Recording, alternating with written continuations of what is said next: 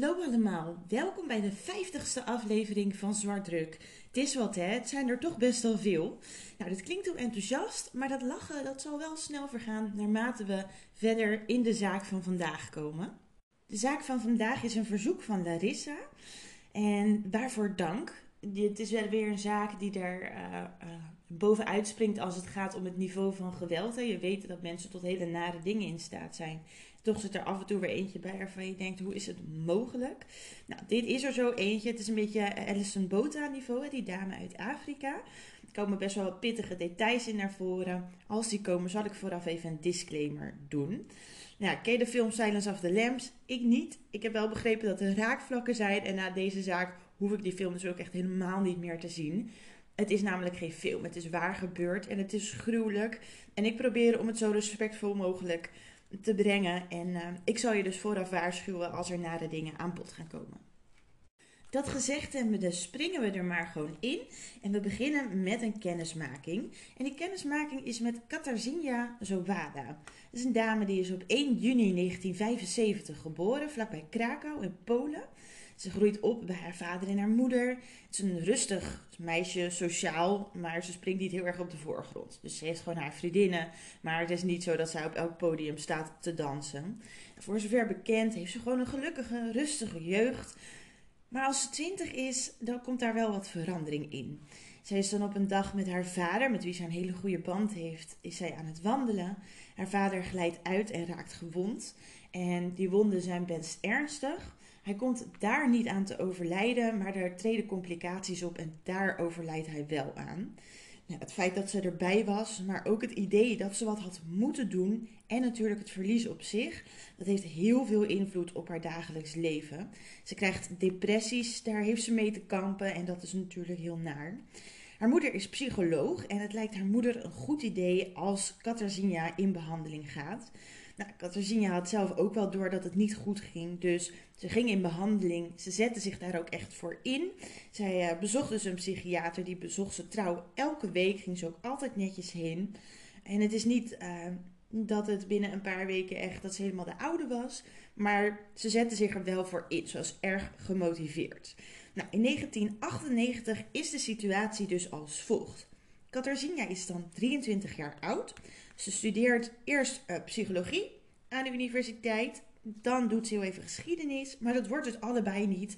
Dus uiteindelijk eindigt ze op de Universiteit van Krakau. En ze doet daar dan religiewetenschappen. Ook als Katarzyna 23 is, is ze nog steeds een lieve dame. Ze is donkerblond. Nog steeds ook wel introvert. Ze heeft wel gewoon vriendinnen, waarvan twee hele goede. Het is niet echt een kroegtijger, maar ze houdt er wel van om af en toe een cafeetje te bezoeken of naar de bioscoop te gaan. Is ze op haar allergelukkigst? Nee. Gaat ze heel slecht? Ook niet. Het gaat zijn gangetje, het kan beter, maar er wordt aan gewerkt. Dat is de situatie tot eind oktober 1998, want dan verandert er iets in haar gedrag. Vooral haar vriendinnen merken dat. Ze verft haar haar, ze gaat op dieet, ze gaat al twee weken niet naar school en dat is wel echt anders dan anders. Moeder merkt dat niet, want Katarzyna gaat elke ochtend netjes met haar schooltas de deur uit, komt op dezelfde tijd weer terug en houdt dus wel qua tijden haar routine. Dus moeder valt dat niet per se op. Dat valt dus niet op bij haar totdat het 12 november 1998 is. Dan heeft ze samen met haar moeder een afspraak bij de psychiater. Misschien daar niet altijd samen met haar moeder heen, maar soms mag er iemand mee ter ondersteuning of ter reflectie. Nou, moeder zit dus op die afspraak te wachten. En Katarzyna is daar niet. En dat is vreemd, want ze was er altijd. Moeder probeert haar te bereiken.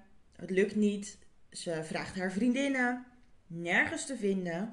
En zij probeert die dag dan ook aangifte te doen bij de politie. Maar de politie die zegt: luister, deze mevrouw is 23. Ze heeft het recht om weg te zijn. Waarschijnlijk heeft ze ergens een flinke kater opgelopen. Heeft ze iemand ontmoet. Wacht nou maar eventjes een paar dagen. Dan komt ze wel weer terug. Tot haar grote frustratie wacht moeder een aantal dagen. Maar Katarzyna is ook dan niet terug en heeft niks laten horen. Dus na een paar dagen gaat zij terug naar het politiebureau om aangifte te doen. Nou, dat gebeurt dan ook en ze nemen de situatie rondom Katarzyna nemen ze door. En dan komt dus die depressie aan bod en dan weet de politie direct de oplossing. Ze zijn er meteen uit. Dit moet zelfmoord geweest zijn.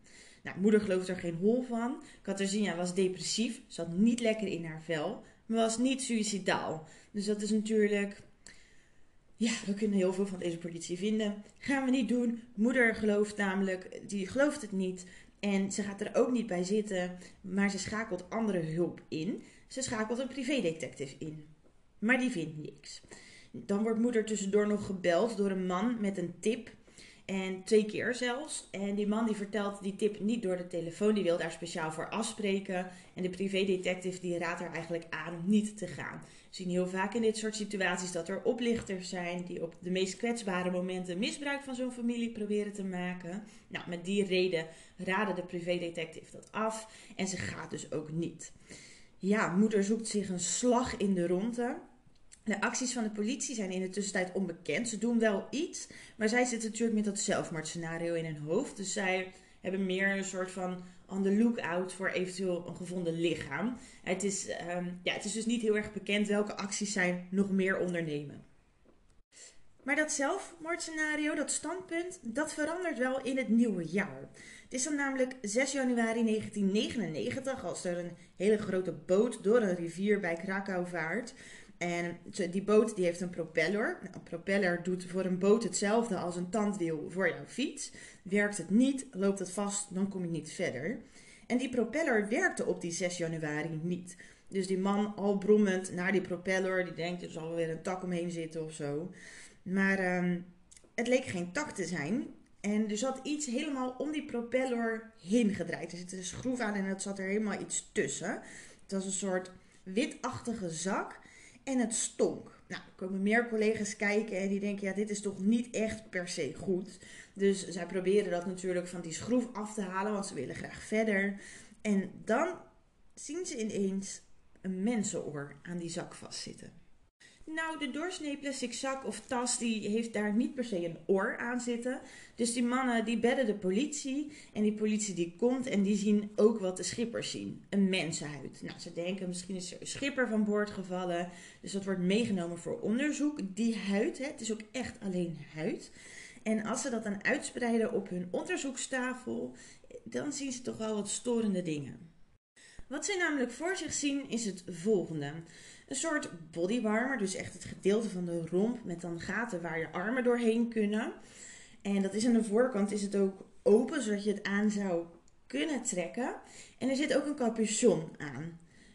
Wat het grote probleem hiermee dus is, is dat dit van mensenhuid is. Het is echt een zorgwekkend plaatje. Zeker als je bedenkt dat hier delen van echt aan elkaar genaaid zijn. En dat is nog netjes gebeurd ook. Daar is echt iemand die daar aandacht aan besteed heeft. Het wordt in het nieuws beschreven als een skinsuit. En op foto's zie ik vooral het bovenste gedeelte. Na ongeveer een week wordt er meer gevonden in het water. Namelijk een rechterbeen en een trui. En dan is er helaas een identificatie mogelijk. Dat wat gevonden wordt, dat wordt gematcht aan het DNA van Katarzyna. En dit zijn dus haar overblijfselen. Nou, dit lag allemaal al twee à drie weken in het water. Nou, bedenk, dit meisje is al sinds 12 november vermist. Tussen 7 en 14 december stellen ze vast, zal zij ongeveer overleden zijn.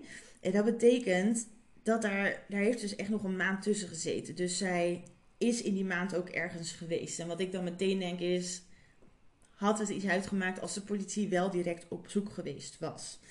Nou ja, de wegloop en de zelfmoordscenario's zijn nu dus ook bij de politie van tafel. Maar er zijn niet echt meteen aanknooppunten. Dus ze gaan op onderzoek uit. Ze gaan natuurlijk eerst op zoek bij de naaste en haar vriendinnen vertellen: hey, wij hebben inderdaad wat veranderingen gezien. Ze had haar uiterlijk was aan het veranderen, haar haar geverfd op dieet. Ze was niet op school. Maar waar was ze dan? Want ze ging elke dag wel gewoon de hele schooldag de deur uit. Waar zat ze?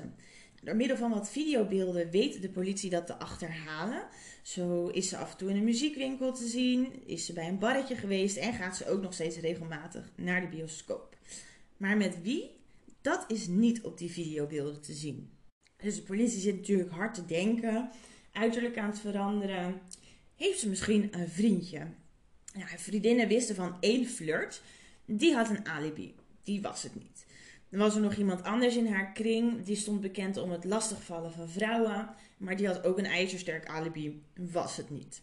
Nou, dan was er nog een jongen op wie Katarzyna zelf echt een crush had. Maar ja, die had een eigen leven, die had een vriendin. Het was niet wederzijds, die had ook geen motief. Ze waren goed bevriend, maar er was geen ruzie, er was gewoon niet meer dan dat. Dus ook dat is geen lied. Ja, shit. Daar zit je dan met een moord, die ook nogal meer dan een moord is. Het is natuurlijk een super gruwelijk verhaal dat iemand huid gevonden wordt en lichaamsdelen. Daar wil je gewoon een oplossing voor hebben. Heel Polen is aangeslagen hierdoor. Dus de politie die volgt ook nog wat tips op. Nou, een van die bruikbare tips is dat er vlakbij de vindplek aan die rivier, daar wordt een man gezien. En die man die bespioneert zijn buren. Die man is biseksueel, stel je voor. Die man die loopt af en toe wel eens in vrouwenkleding en hij liep bij de rivier dan een beetje rare dingen te vertellen. Nou, dat is een vrij globale tip. De politie heeft een naam, maar ze kunnen hem niet vinden. En als ze een beetje nadenken, dan kunnen ze hem ook echt niet aan Katarzyna koppelen. Dus zij laten die tip eigenlijk een beetje gaan. Nou, ergens langs deze weg krijgt de politie hulp van Portugal en ook van de FBI uit Amerika. En met z'n allen stellen zij dan een profiel op, een daderprofiel. En die ziet er dan als volgt uit. De dader zou een man van tussen de 20 en 30 jaar oud zijn. Hij zou intelligent zijn en daarom geavanceerd te werk gaan. Dus hij heeft Katarzyna waarschijnlijk niet met grof geweld ontvoerd, maar hij heeft iets met haar opgebouwd en haar dus zo op een bepaalde plek gekregen. Deze dader draagt misschien wel vrouwenkleding, wil misschien zelfs wel een vrouw zijn en hij haalt genot uit het lijden van vrouwen. Dat zou dan ook het motief zijn en daarmee is hij ook een sadist. Gezien de aard van de verwondingen zou hij een bepaald soort vechtsport uitoefenen. Die houdt de politie trouwens heel angstvallig verborgen, welke dat zou zijn. En gezien de precisie van het aan elkaar naaien van de huid, zou het iemand zijn die dat er vaker doet. Dus dan kun je denken aan een dierenarts, een dokter, een slager. Nou, zo'n daad heeft hij waarschijnlijk vaker gedaan. En de kans is ook groot dat hij het vaker gaat doen. Dus Iedereen heeft baat bij dat deze man gevonden wordt. Maar als iemand het vaker gedaan zou hebben, dan is daar misschien ook nog wel iets over geregistreerd. Dus de politie, vol frisse moed, gaan zij op zoek naar soortgelijke zaken. En ze stuiten daarbij op een telefoontje dat de politie datzelfde jaar, dus 1999, heeft ontvangen. En om precies te zijn was dat op 31 mei. Toen werd de politie gebeld door een oudere meneer, die noemen we vanaf nu voor het verhaal even opa. En opa die vertelde iets opmerkelijks. Hij zegt, volgens mij ligt er een lichaam in mijn kelder en ik denk dat mijn kleinzoon hem daar heeft neergelegd.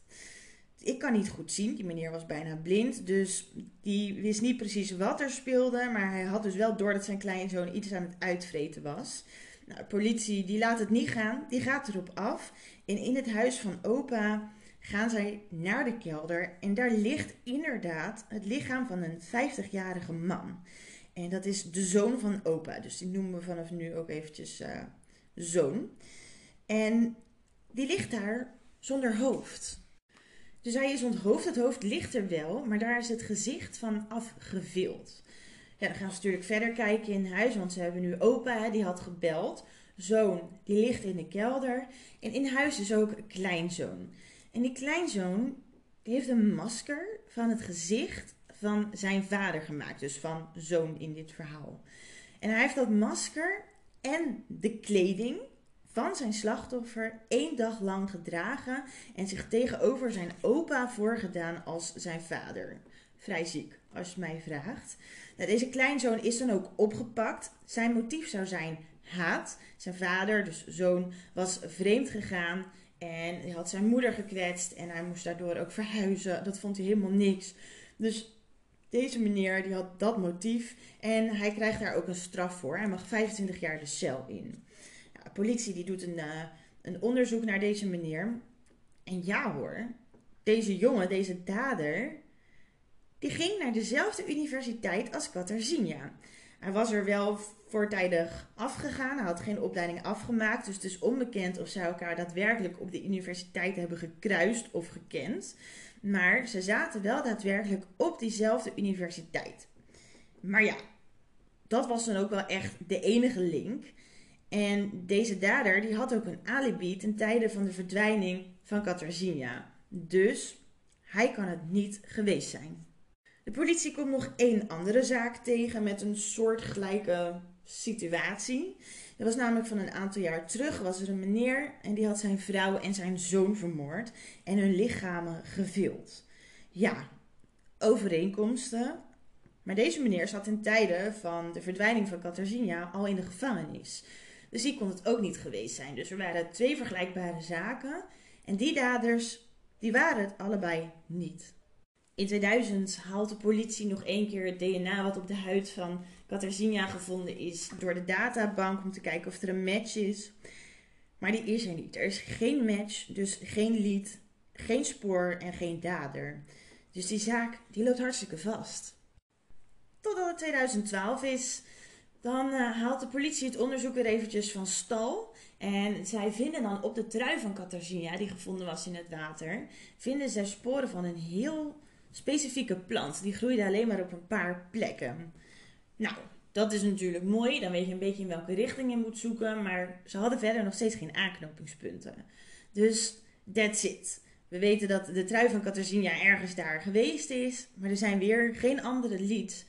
En die zaak, die wordt dus koud. Totdat er in 2017 een fikkie wordt aangestoken. De politie ontvangt dan een brief en die is geschreven door iemand die vertelde dat zijn of haar vriend niet kan stoppen met praten over Katarzyna's zaak.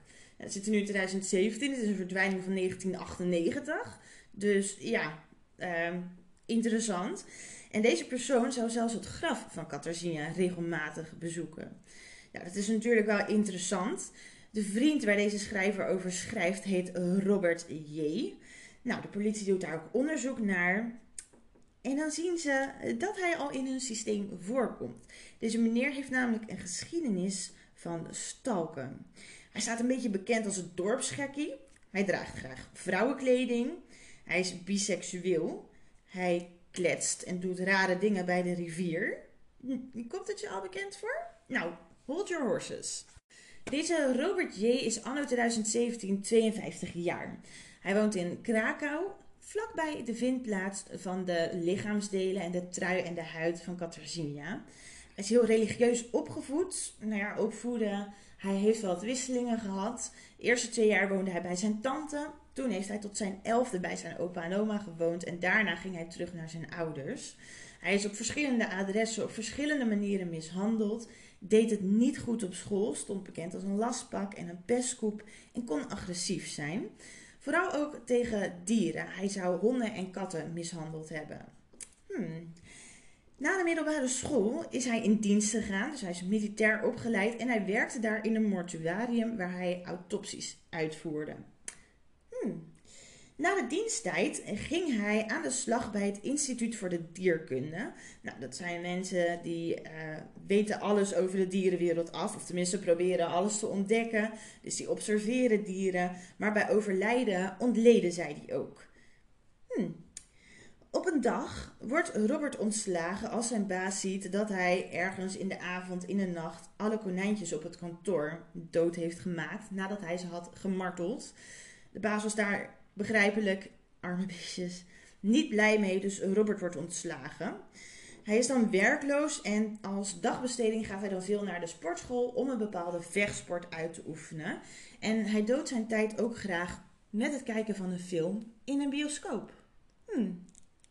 Dit alles bij elkaar wekt toch wel de interesse van de politie. En om te kijken of de dingen uit die brief ook waar waren, zetten zij een camera bij het graf van Katarzyna. En ja hoor, zonder uitzondering, elke dag is Robert bij het graf van Katarzyna te vinden. En hij lijkt dan te praten, ze kunnen niet horen wat hij zegt. Hij legt daar bloemen neer. En dat is toch wel interessant voor iemand die Katarzyna eigenlijk helemaal niet zou kennen.